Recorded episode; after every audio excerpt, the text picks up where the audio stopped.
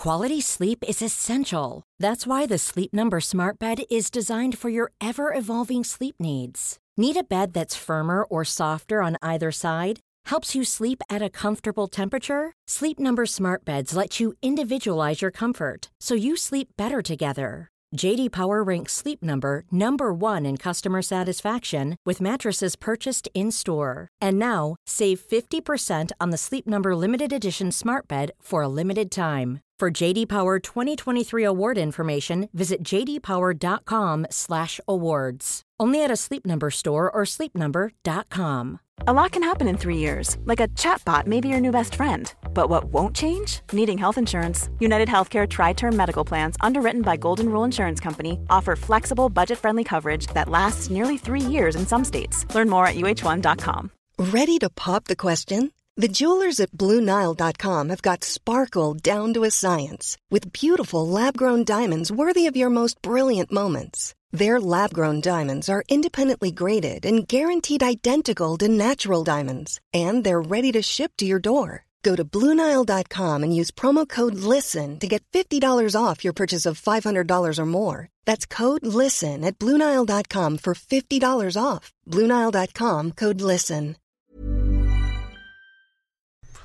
Palmemordet, Polisspåret, del 21. Sista delen om polisman L och Lars L. Sveriges statsminister Olof Palme är död. 90 000. Ja, det är mord på Sveavägen. Hörde de säger att det är Palme som är skjuten. Mordvapnet med säkerhet är en Smith Wesson, en revolver kaliber .357. Inte ett svar. Det finns inte ett svar. För jag har inget. Och jag har inte varit Varför skulle jag göra Polisen söker en man i 35 till 40-årsåldern med mörkt hår och lång mörk rock. Välkommen till podden Palmemordet som idag görs av mig, Dan Hörning. Det här är den sista delen av sju om polisman L och Lars L. Nu kommer jag lämna över rodret till Tobias lite grann, men när jag är tillbaka så kommer vi prata om kommissariebil 1520 Christian Dalsgård och Thomas E. Det är nästa del av polisspåret. Polisspåret-avsnitten har varit ganska jobbiga att göra. Det finns väldigt mycket material att använda sig av, strukturera upp, läsa och förstå. Men jag har kunnat lägga den tiden. Jag arbetar heltid med att göra poddar på grund av att ni sponsrar podden Palmord och det är jag oerhört tacksam för. Om ni vill vara med och bidra så kan ni göra det på patreon.com palmemordet eller via Swish och fråga efter swishnumret eh, på Facebook på Palmemordets sida. Men om ni gör det via Swish så kom ihåg att märka swishen med Palmemordet så jag vet vilken podd den avser. Och när vi lämnade Polisman L och Lars L förra gången så hade de precis återsetts efter två år och allt är enligt Lars Ells roman. Och vi kommer komma fram till det ögonblick då Lars L skriver sin roman i det här avsnittet. Då ska jag prata lite mer om omständigheterna där, förord etc. Lars L skriver på sid 110 i sin roman. Och så blev det en återförening med Jack Smiter och det är ju polisman Ls namn i boken medan Lars L kallar sig själv för Patrik. Kontakterna blir kanske något uppvarvade. Det blir mycket krogbesök för det är något som Jack tycker om. Och sen kommer det in en konstig historia om en båt som heter MS Lävik. Och den här båten ligger på en kajplats i Stockholm. Det är ett ombyggt vackert litet lastfartyg. Lars L börjar bedriva sin nyligen uppblommade redaktionsverksamhet ombord på den här båten. Men polisman L blir fullständigt besatt av den här båten. Han vill ha båten, han vill köpa båten. Men eh, Lars L bara hyr båten. Mars 1988 är både polisman L och Lars L på båten. De har också med sig ägaren och befälhavaren. Och han är beredd att sälja båten till polisman L om polisman L betalar kontant. Det beslutas att de ska ha en provtur med fartyget nästa dag. De tillbringar natten hemma hos Lars L. De är på redaktionen för tidningarna. Det kommer taxiförare som hjälper Lars L att köra ut tidningen till ombuden i Stockholm. Och en av de här taxiförarna ber Lars L om ett hemligt samtal då han har hört att Lars L har en del kontakter med polisen beträffande mordet på Olof Palme. Och nu läser jag från sid 111 i Lars Ells dokumentärroman. Taxiföraren berättar sedan en fullkomligt fantastisk historia för Patrik om just den kvällen då Palme mördas och han lämnar sin fästmö som vittne till historien. Taxiföraren och hans fästmö har varit i just de trakterna under tiden för mordet och de har avlyssnat ett samtal på ett litet café och uppger på heder och samvete att de har hört något som kan vara mördaren som provskjutit vapnet tidigare under mordkvällen. Patrik noterar allt och lämnar det per telefon till SÄK som naturligtvis inte ens bryr sig om att notera, än mindre undersöka storyn. Och det är inte så konstigt för Säkerhetspolisen har order från PGNS att de måste ignorera allting som Lars L säger. Texten i romanen fortsätter. Jack Smiter är hela kvällen närvarande på redaktionen och Jack är totalt ointresserad av uppgifterna från taxiföraren. Nästa dag ska de då ge sig iväg till MS Lävik, den här båten. Men Saga, Lars Ls fru, märker att någon är uppe på redaktionen. De verkar bo precis bredvid redaktionen. Hon går in där och tittar och där hittar hon polisman L som sitter och läser i Lars Ls mycket konfidentiella dagböcker. Det uppstår en lite förvirrad situation men båda går och lägger sig. Nästa morgon går Lars L upp och så plötsligt hör han hur polisman L kommer nerspringande för trappan. Och eh, återigen så berättar han hur korpulent polisman L är i boken. Nu läser jag direkt från boken. Han pustar och flåsar och halvsnubblar nerför trappan och försöker samtidigt som han småspringer ta på sig byxorna som han lyckas få på sig på ena benet. Han tittar som hastigast på Patrik som med förvåning ser på Jack. Men Jack säger inget. Han springer ut i hallen, drar på sig byxorna, tar på sig skor och jacka med skyndsamma rörelser. Patrik har kommit ut i hallen och står och ser på Jack. Vad i helvete håller du på med Jack? Klockan är bara halv fyra. Vi ska inte vara vid fartyget förrän åtta. Det är verkligen ingen som sover i den här historien. I alla fall inte någon särskilt längre tid. De stressar iväg till Stockholm och eh, Lars L börjar ta upp den här taxiföraren och historien med taxiföraren är tydlig att en provskjutning av mordvapnet har skett på citat biografen Kungsgatan Sveavägen. Vad är det för biograf? Det skulle kunna vara Saga, Rigoletto eller någon av biograferna på Sveavägen. Men ja, det, det står så. Men provskjutningen skulle ha skett mot taket ute i foajén. Så att Lars L vill åka förbi och titta i taket i foajén och se om det finns ett kulhål där. Men polisman L är inte intresserad. Han vill göra en tur med båten. De parkerar bilen utanför Kronobergsgatan 116. Det är alltså precis nere vid Kungsholmstrand på Kungsholmen. Där Jack har en liten reservlya. Ska jag vänta på dig i bilen Jack? Nej, det är ingen idé. Det jag ska ordna upp tar lite längre tid. Okej, då följer jag med dig upp en stund. Uppe i Jacks lilla lya bestäms det att Patrik ska åka ner till MS Lävik samt att han och skepparen lägger ut mot Slussen. Och det bestäms att de ska möta Jack vid Slussen exakt klockan 10 och att Jack ska gå ombord då. Men polisman L kommer inte till det avgörande mötet. Han kommer inte på hela dagen. Han svarar inte i telefon. Han finns inte kvar i sin övernattningslägenhet som han på något sätt har råd med på Kungsholmen. Han har smitit. Han är försvunnen. Och det här är sista gången som Lars L hör av polisman L. Här, mars 1988, försvinner polisman L ut ur Lars Ls liv. Och här, nu läser jag direkt från boken igen, här sker också en vändpunkt i Lars liv. Han avslutar en tid senare hela sin utgivning och tidningar. Han avvecklar förlaget för alltid. Han lämnar sin familj. Han reser bort alldeles ensam för att överlägga med sitt samvete överlägga med sitt samvete och söka reda ut alla begrepp och känslor som rör polisman L, polisman L och mordet på Olof Palme. Och så slutar boken. Men vi har uppgifter på att det här inte stämmer. Det kanske stämmer när Lars L skrev sin bok. Men de kommer att träffas igen.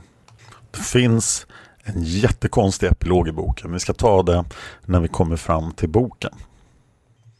Det finns uppgifter då. Vi vet ju att polisman L är sjukskriven. Men det finns uppgifter på Flashback-nivå att han hade någon extra knäck där han sålde tvättsvampar på annons och i Gula Tidningen. Och också att han köpte och sålde bilar. Vi hade ju den där enda annonsen han sålde en Volvo Amazon. Men ja. Hösten 1991 vid Jättnegård som ligger ute på en ö i Mälaren, alltså inte i Bergslagen, skriver Lars L sin roman. Arbetsnamnet är Palme mördas och Jack smiter. Lars L har skrivit ett förord till boken som jag skulle vilja återge i sin helhet. Han säger Jag började fundera på att skriva ner vad som hände mig tiden kring mordet på Olof Palme för länge sedan. Bara några få veckor efter mordet hade jag ett samtal med Alf Thor. Han var då ledarskribent vid kvällstidningen Expressen. Alf Thor och jag har haft kontakter redan i början av 50-talet och det var Alf Thor som gav mig den tändande gnistan till den här boken. Jag tycker att du ska skriva ner dina upplevelser i en bok, Lasse. Jag tycker att det är viktigt. Det bör alltid vara viktigt för oss journalister att skriva om den demokratiska processen som alltid är i fara, i vilket land det vara månde. Men det tog sex år innan jag tog mig samman och skrev ner de här upplevelserna. Upplevelser som nästan kan betraktas som äventyr. Vad är då ett äventyr? Något överraskande, spännande och som jag som gammal morfar berättar kring brasan för barnbarnen. Ja, så enkelt är det. Och jag har fått min andel av både trevliga och otrevliga äventyr. De upplevelser som jag skriver om i den här boken råkade sammanfalla och gå helt parallellt med mordet på Olof Palme. Det var inte planerat av mig. Det var ödets gudinna som ville ha det så. Men den saken bör inte minska på dramatiken i boken. Boken är en dokumentärroman. Nästan alla namn och händelser är autentiska. Det mesta som står i boken har en gång utspelat sig i verkligheten. Det finns dokumenterat i mina privata dagböcker, i journaler och rapporter hos polis landet runt. Sex års grubbel med sömnlösa nätter. En malande ovisshet om motivet till att en liten krets inom polisen var så angelägen att vilseleda mig. Denna oro, detta grubbel, fick mig att fatta beslutet att berätta hela sanningen i form av en bok. Och det finns tunga skäl att framhålla att många inom Palmegruppen och Säkerhetspolisen uppmanat mig att skriva ner mina upplevelser. Varför är egentligen så många skeptiska till de resultat som hittills har redovisats av polisledningen om Palmemordet? Och varför fick den polisledning som misslyckats med sin uppgift att övervaka statsministerns säkerhet ta ledning och ansvar för spaningen och utredningen om mordet på Olof Palme. Ett mord som egentligen var på deras skuldror. Varför lägger sig civila tjänstemän och regering sin näsa i blöt hos mordkommissionen? Varför lämnar regeringen i uppdrag till rikspolischefen och riksåklagaren att inkomma med ett förslag till lösning? Varför blev det flera gånger drastiska omkastningar i landets polisledning. Hur behandlades Hans Holmér av regeringen? Hur var det egentligen med Ebbe Carlsson? Är det monopol på att arbeta i samhällsintresse? Varför? Varför åtalades Christer Pettersson? Varför fick inte rutinerade mordutredare inom kriminalpolisen efter eget huvud arbeta med en redan intrimmad mordkommission? Varför vågade ingen suga tag i den totala bilden kring kriminalintendenten polisman L och redovisa den bilden helt opartiskt? Nej, mina kära vänner vid polisen. Jag är trött på att spela bluffpoker nu. Jag synar polisen. Jag är trött på kryptiska besked som till exempel handlingarna arkiveras. Du kan ju dra dina egna slutsatser Lasse. Tack, det har jag gjort nu. Därför är den här boken klar att publiceras för en bred allmänhet. Och det är därför som just du min kära läsare håller den i din hand. Så kryp upp nu i ditt mysiga läshörn. Lampan brinner så varmt och tryggt. Dra upp benen, sätt dig riktigt bekvämt och skönt räck mig din hand och dina öron. Så sitter du skönt och rofullt nu. Aftonglödens stillhet har kommit till dig. Lyssna till min röst så ska jag nu berätta en sällsam historia för dig. Och det mesta av det jag kommer att berätta för dig, det har en gång utspelat sig i verkligheten. Och det är inte helt osannolikt att någonstans i den här boken finns en oansenlig pusselbit gömd och den kommer att falla på plats med dån, falla på plats i utredningen om mordet på Olof Palme. Om du skulle råka finna den pusselbiten, bli då inte upphetsad. Rusa inte iväg och sök lägga den på plats. Det är polisens arbete. Nej, göm den i ditt hjärta. Göm den i ditt hjärta som ett minne av den här boken. Göm den som ett minne av galningen Patrik. Skriven hösten och vintern 1991 på en ö i Mälaren och en ö i Ålands hav. Mariehamn, januari 1992. Lasse L. Och det var skrivande stund nästan 28 år sedan den här boken skrevs. Den har aldrig blivit utgiven. Och den andra anledningen att jag har den är att Palmeutredningen bestämde sig för att införa den i handlingarna. Och jag tycker väl att jag har läst Palmeböcker som varit betydligt sämre än Lars Ells bok. Och jag hoppas att den någon gång ges ut. Och om den kommer ut som ljudbok så vet ni var det finns någon som kan läsa in den. Jag lovade att jag skulle nämna den förvirrade epilogen som jag inte förstår alls. Den är skriven, den utspelar sig våren 1988 och det är en jag-person. Och vem den här jag-personen är jättekonstigt för jag får den här våren ett kryptiskt meddelande av Patrik. Och sen handlar det om ett möte med Patrik där, och tidigare i boken såg vi hur jag var Saga. Men det här låter inte som Saga. De dricker vin och äter lite bröd och det är precis ett sånt här Grand Vin som de stal på slottet, polisman L och Lars L.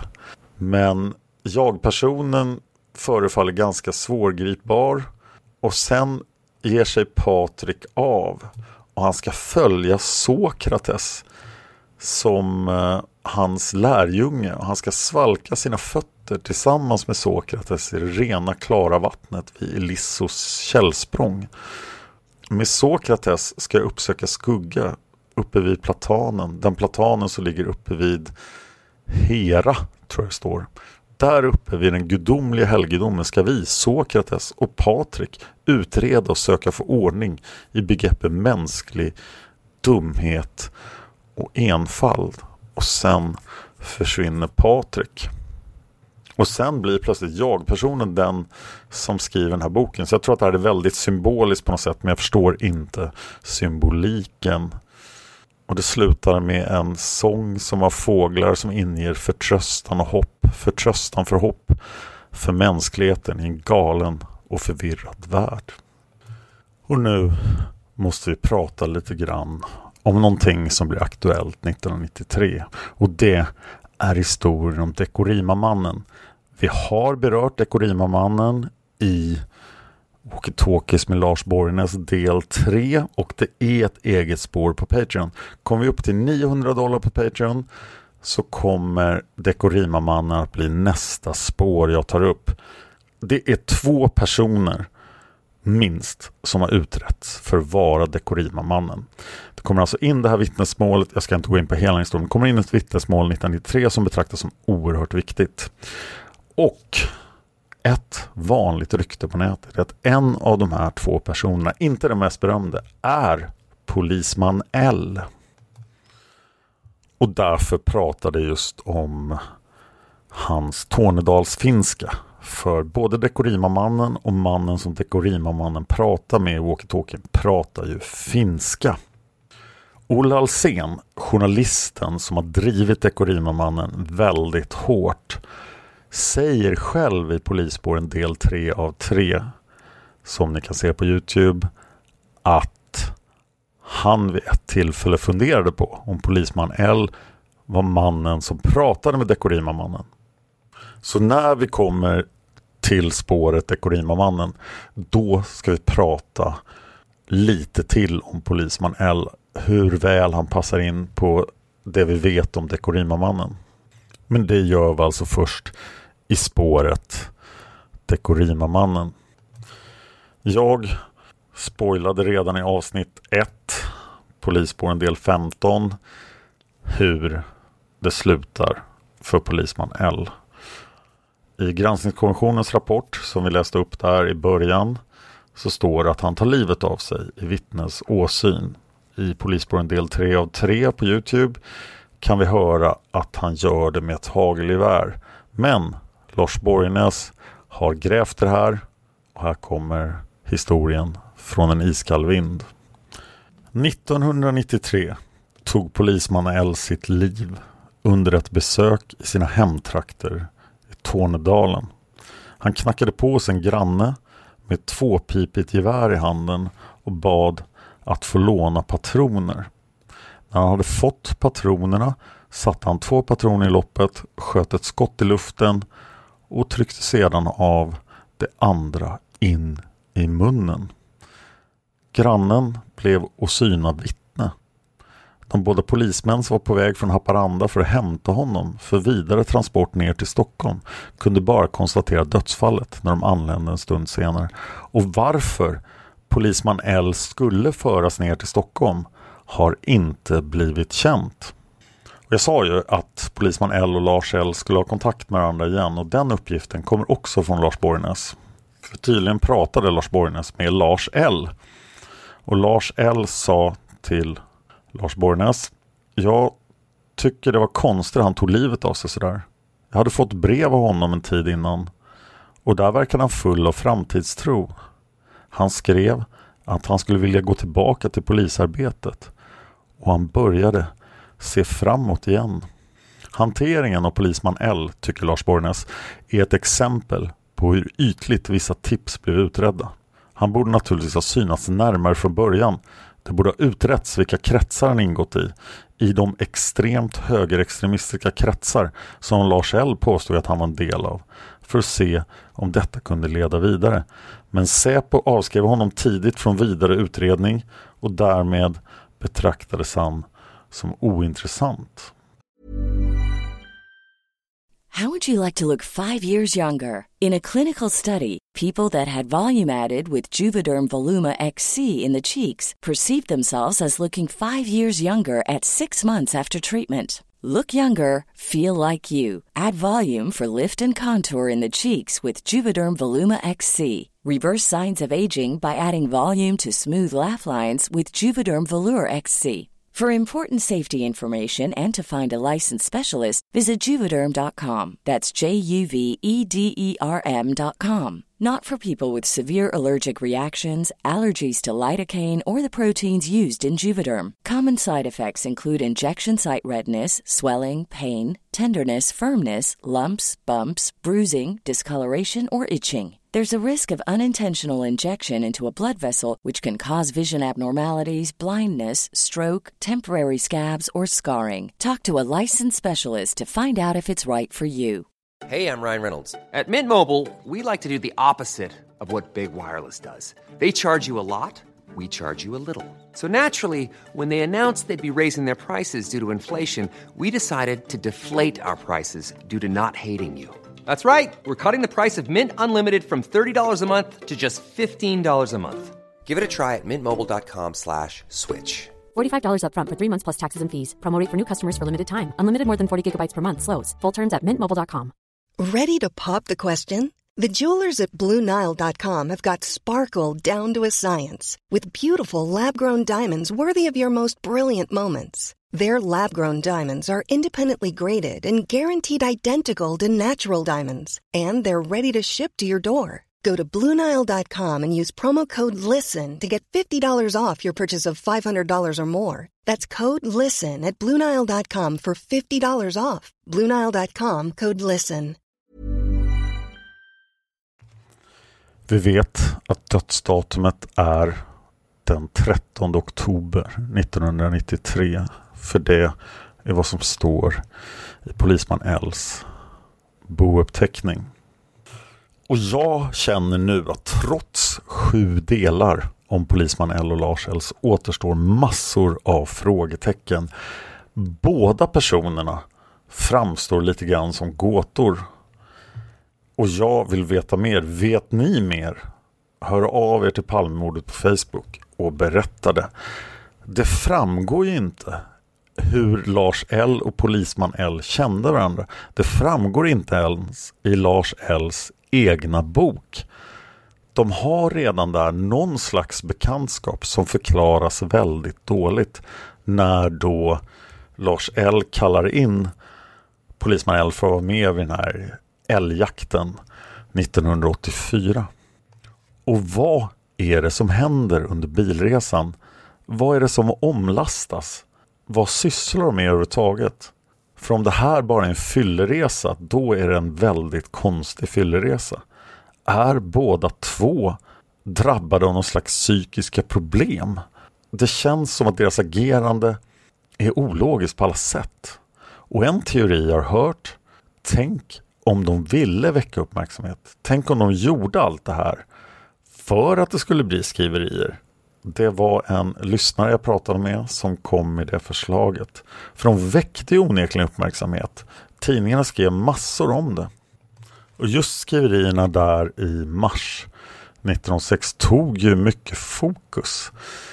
I Arbetet den 11 mars 1986 skrevs följande. Dels är det en karta över hela färden som man kan se där. Och sen säger Arbetet, hur mycket vet han om mordet på Olof Palme? Polis i dubbla mordförhör. En vapenintresserad Stockholmspolis har hört om mordet på Olof Palme. Länspolismästare Hans Holmér vill inte avslöja om den 35-årige kriminalinspektören har ett vattentätt alibi för mordkvällen. Hans Holmér säger jag kommenterar inte några detaljer i mordutredningen. Arbetet fortsätter. Polismannen är en bland många som suttit i förhör efter mordet på statsministern. Enligt uppgift har han tidigare arbetat på Stockholmspolisens våldsrotel. Det är den roten som nu enbart arbetar med mordet på Olof Palme. Polismannen har varit sjukskriven sedan januari i år och uppges nyligen ha blivit omplacerad. I fredags greps polismannen och hans kamrat av Malmöpolisen. De hade varit i Köpenhamn när de togs för förhör och en kommissarie Gunnar Hall på Malmöpolisen uttalar sig. De blev förhörda och utredaren från Stockholm. Jag har ingen aning om vad som sades vid förhören och inte heller vet jag varför de konfronterades, men de släpptes efter förhören. Den 35-årige kriminalinspektören har varit polis i 16 år. Han är vapenintresserad och han har licens för en Smith Wesson, alltså samma slags vapen som användes med mordet på Olof Palme. Sen berättar arbetet episoden om bilen, men där kommer en förklaring. Eh, för de säger att polisman L har sagt att han hade planerat att övningsskjuta och därför låg revolven i bilen. Men i sista stund ändrade han sig och gick på krogen istället.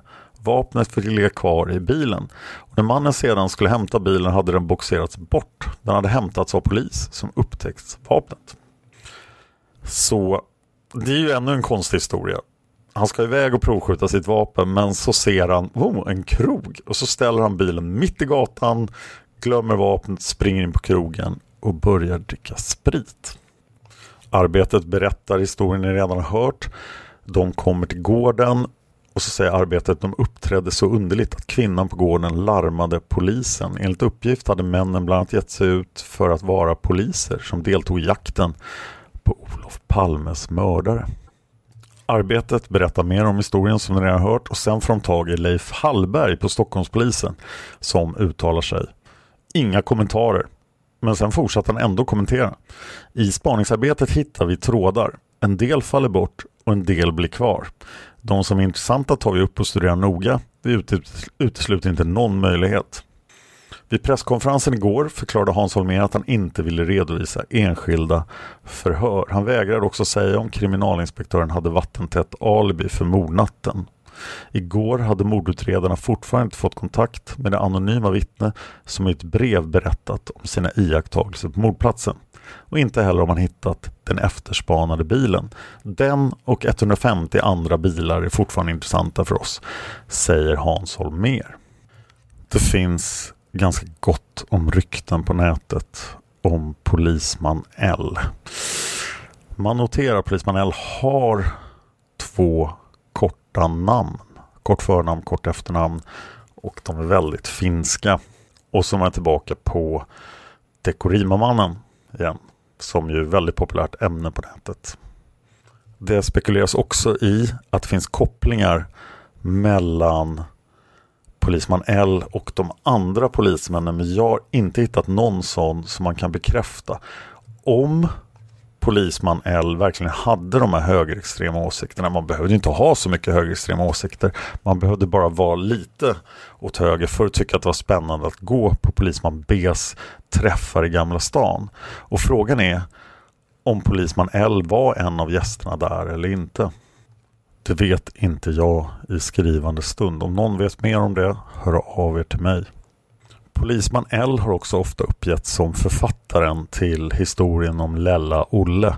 Men det är alltså någonting som Lars L har skrivit för det som Polisman L skrev blev aldrig publicerat.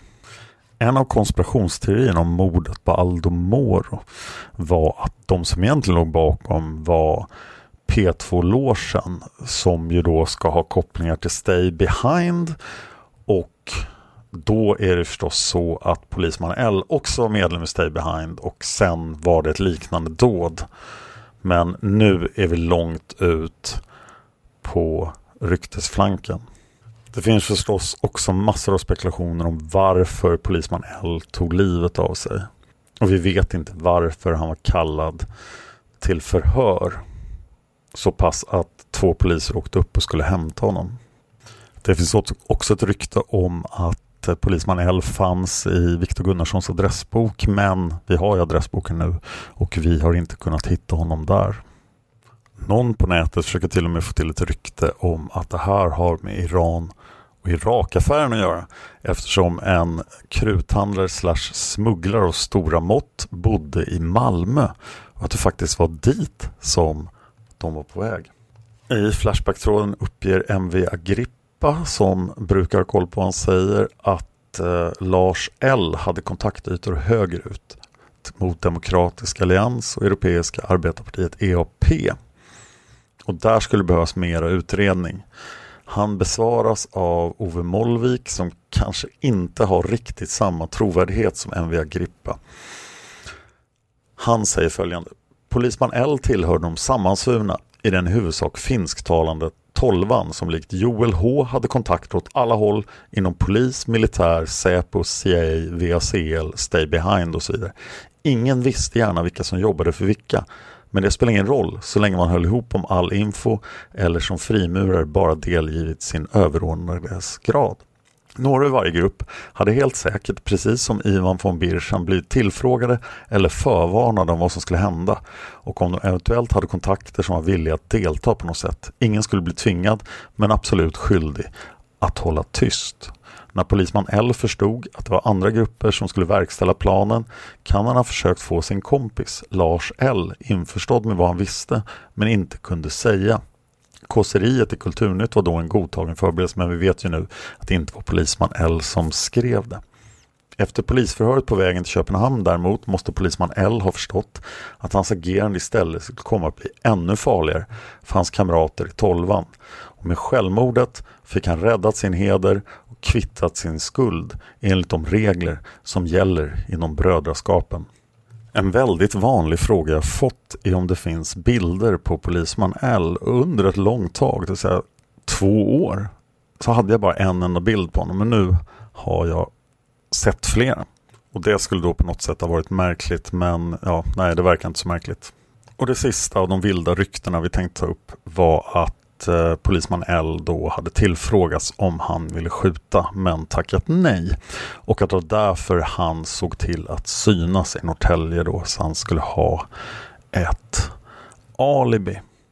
Och nu har vi kommit fram till gärningsbeskrivningen. Som jag redan sa redan i tidigare avsnitt så vill jag försöka beskriva gärningen.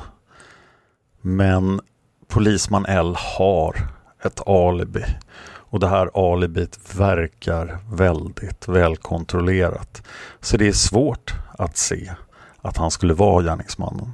Och även om de här ryktena jag tog upp slutet var väldigt vilda så kanske det är där någonstans man ska försöka hitta gärningen om man ska ta in polisman L i mordscenariot. Så han vet någonting och han håller sig borta. Eventuellt skulle han kunna vara Dekorima-mannen eller Dekorima-mannens medhjälpare. Men om polisman L är del av en konspiration, varför ska man vilja ha honom med i konspirationen? Han dricker uppenbarligen alldeles för mycket alkohol och han verkar ha då problem av allehanda slag som han har blivit sjukskriven för. Är det här mannen man vill ha med i en konspiration? Men om vi förutsätter att det är det, hur passar han in? Och Den enda rimliga förklaringen jag kan hitta då är att han var tillfrågad men att han ja, inte var med. Och eventuellt då så gjorde han den här resan för att väcka uppmärksamhet. Men det låter ju otroligt farligt också om man visste någonting. Så jag fattar inte. Efter allt det här så är jag fortfarande förvirrad av den här jättekonstiga bilfärden. Och jag är nästan ännu mer förvirrad av Lars Els agerande. Så jag hoppas att Tobias kan få tag i honom och han är vid sina sinnens fulla bruk trots sin respektabla ålder och att vi får prata med honom. Så där lämnar vi polisman L och Lars L.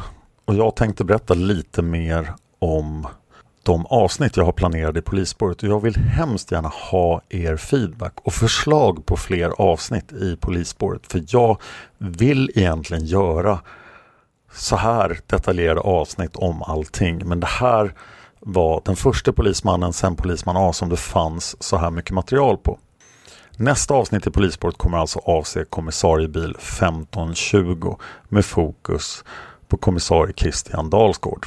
Och då ska vi fundera ganska mycket på hur fort det går att ta sig från Kungsträdgården till David Bagers gata. Jag har även planerat att göra avsnitt om rättegången mot proletären. Jag har tänkt att ta upp piket 1230 där Christer Persson är befäl. Jag vet inte hur mycket material vi kan få ihop om det. Jag tänkte också beröra polisen i krig, hemvärnet och polisen och den här föreslagna lagen om vad polisen skulle göra i krig. För den har ju ofta tagits upp som ett möjligt motiv för att poliser skulle vilja mörda Olof Palme. Polisman L är den sista bokstavspolisen som vi vet särskilt mycket om. Men jag kommer givetvis beröra de sista också och det kommer ofta upp när det gäller Sydafrikaresorna. Poliser som har åkt till Sydafrika, det ska vi prata om. Vi ska prata om Norrköpingsmötet som ju är en intressant historia och också om Södermötet.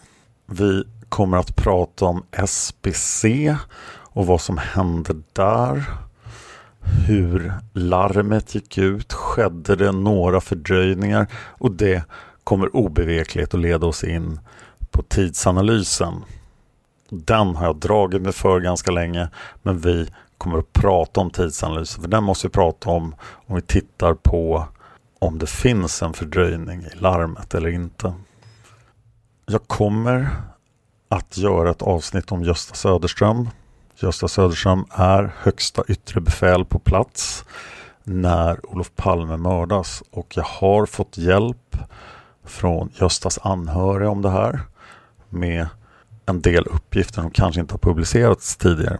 Vi kommer även i det sammanhanget att prata om ambulanserna och det har gjorts utredningar av ambulansen exakt vad som hände och de har så vitt jag vet inte publicerats någonstans men jag har läst dem. Sen ska vi prata om LAC-bandet. Vi måste beröra juristkommissionens rapport. Vi ska prata lite om polisarbetet efter mordet. Vi ska prata om Fantombilden. Det tar vi eventuellt upp i en annan serie som kommer att handla om medierapporteringen. Vi kommer att prata om löjtnant X. Vi kommer att beröra Y igen. Han tog upp i samband med polisman C. Vi kommer att ta upp utredningen avseende övriga polismän med anknytning till polisspåret från granskningskommissionen. och polisen helt utanför polisspåret. Vi kommer att ta upp patrull 91 52. Och det är de avsnitt jag har kvar i polisspåret. Många av de här bitarna är ju inte hela avsnitt. Det kommer inte att bli sju avsnitt om varje av de här. Men det kommer att bli ett gäng avsnitt till och jag vill gärna göra fler så kom med förslag på mer polisspåravsnitt. Och glöm inte att vi ju faktiskt gjorde en hel del avsnitt om polisspåret innan vi började den här serien. Vi har de två avsnitten om Stockholms försvarsskytteförening. Vi har de åtta avsnitten om Polisman A och vi har då introduktion till polisspåret del 1 och 2. Ett bra ställe att berätta vad du vill ha mer i polisspåret är ju Facebook. Gå till Palmemordets sida, posta där. Vi har haft en del problem med konstiga poster så att vi godkänner posterna, jag och Tobias. Men de kommer upp efter ett tag. Det hänger på hur mycket vi hinner hänga på Facebook eftersom vi har en del poddar att göra. Följ gärna mig på Twitter och Instagram. Jag heter Dan Hörning så är väldigt, väldigt lätt att hitta. Jag vill fortfarande hemskt gärna iTunes-recensioner. Jag kommer att läsa alla iTunes-recensioner i podden. Så lyssnar du på en Apple-enhet så lämna iTunes-recensioner. Tack! Om du undrar hur man gör så har jag faktiskt gjort en instruktionsvideo för hur man lämnar iTunes-recensioner. Där min hund som jag hade då förekommer. Jag tänkte nämna en av mina andra poddar som jag ofta gör. Den här gången vill jag nämna Fan of History som jag gör med Bernie Maupolski. Det har kommit ut 91 avsnitt. Vi har några fristående avsnitt som man kan lyssna på men huvudidén i podden är att berätta världshistorien på engelska med början år 1000 före Kristus. Och av alla poddar jag gör så är det flest personer som dör, det är mest mord i Fan of History. För det här är ju gammal biblisk tid. Det är Gamla Testamentet som är en bra källa efter år 884 f.Kr. men väldigt dålig källa innan dess. Det är Assyriska imperiet, det är Egyptier, det är Babylon och det är Zhou-dynastin i Kina. Så lyssna gärna på Fan of History som jag just fick ett avtal med Acast för. Så den ligger på Acast men den finns förstås på alla poddappar. Jag vill passa på att tacka alla som sponsrar Palmemordet på Patreon och på Swish. Och nu lämnar jag över ordet till Tobias som kommer med en serie avsnitt. Jag vet inte när jag gör avsnitt och hur många avsnitt Tobias kommer att ha färdiga. Men när han är klar så kommer jag tillbaka med 1520. Tack till dig för att du lyssnar på Palmemordet. Man hittar Palmes mördare om man följer PKK-spåret till botten. Därför att ända sedan Julius Caesars tid har det aldrig hört talas om ett mord på en framstående politiker som inte har politiska skäl. Polisens och åklagarens teori var att han ensam hade skjutit Olof Palme. Och det ledde också till rättegång. Men han frikändes i hovrätten.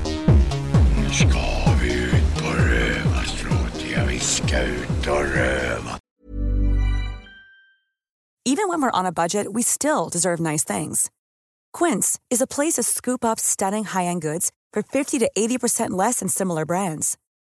They have buttery soft cashmere sweaters starting at $50, luxurious Italian leather bags, and so much more.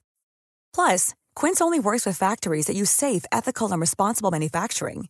Get the high-end goods you'll love without the high price tag with Quince. Go to quince.com/style for free shipping and 365-day returns.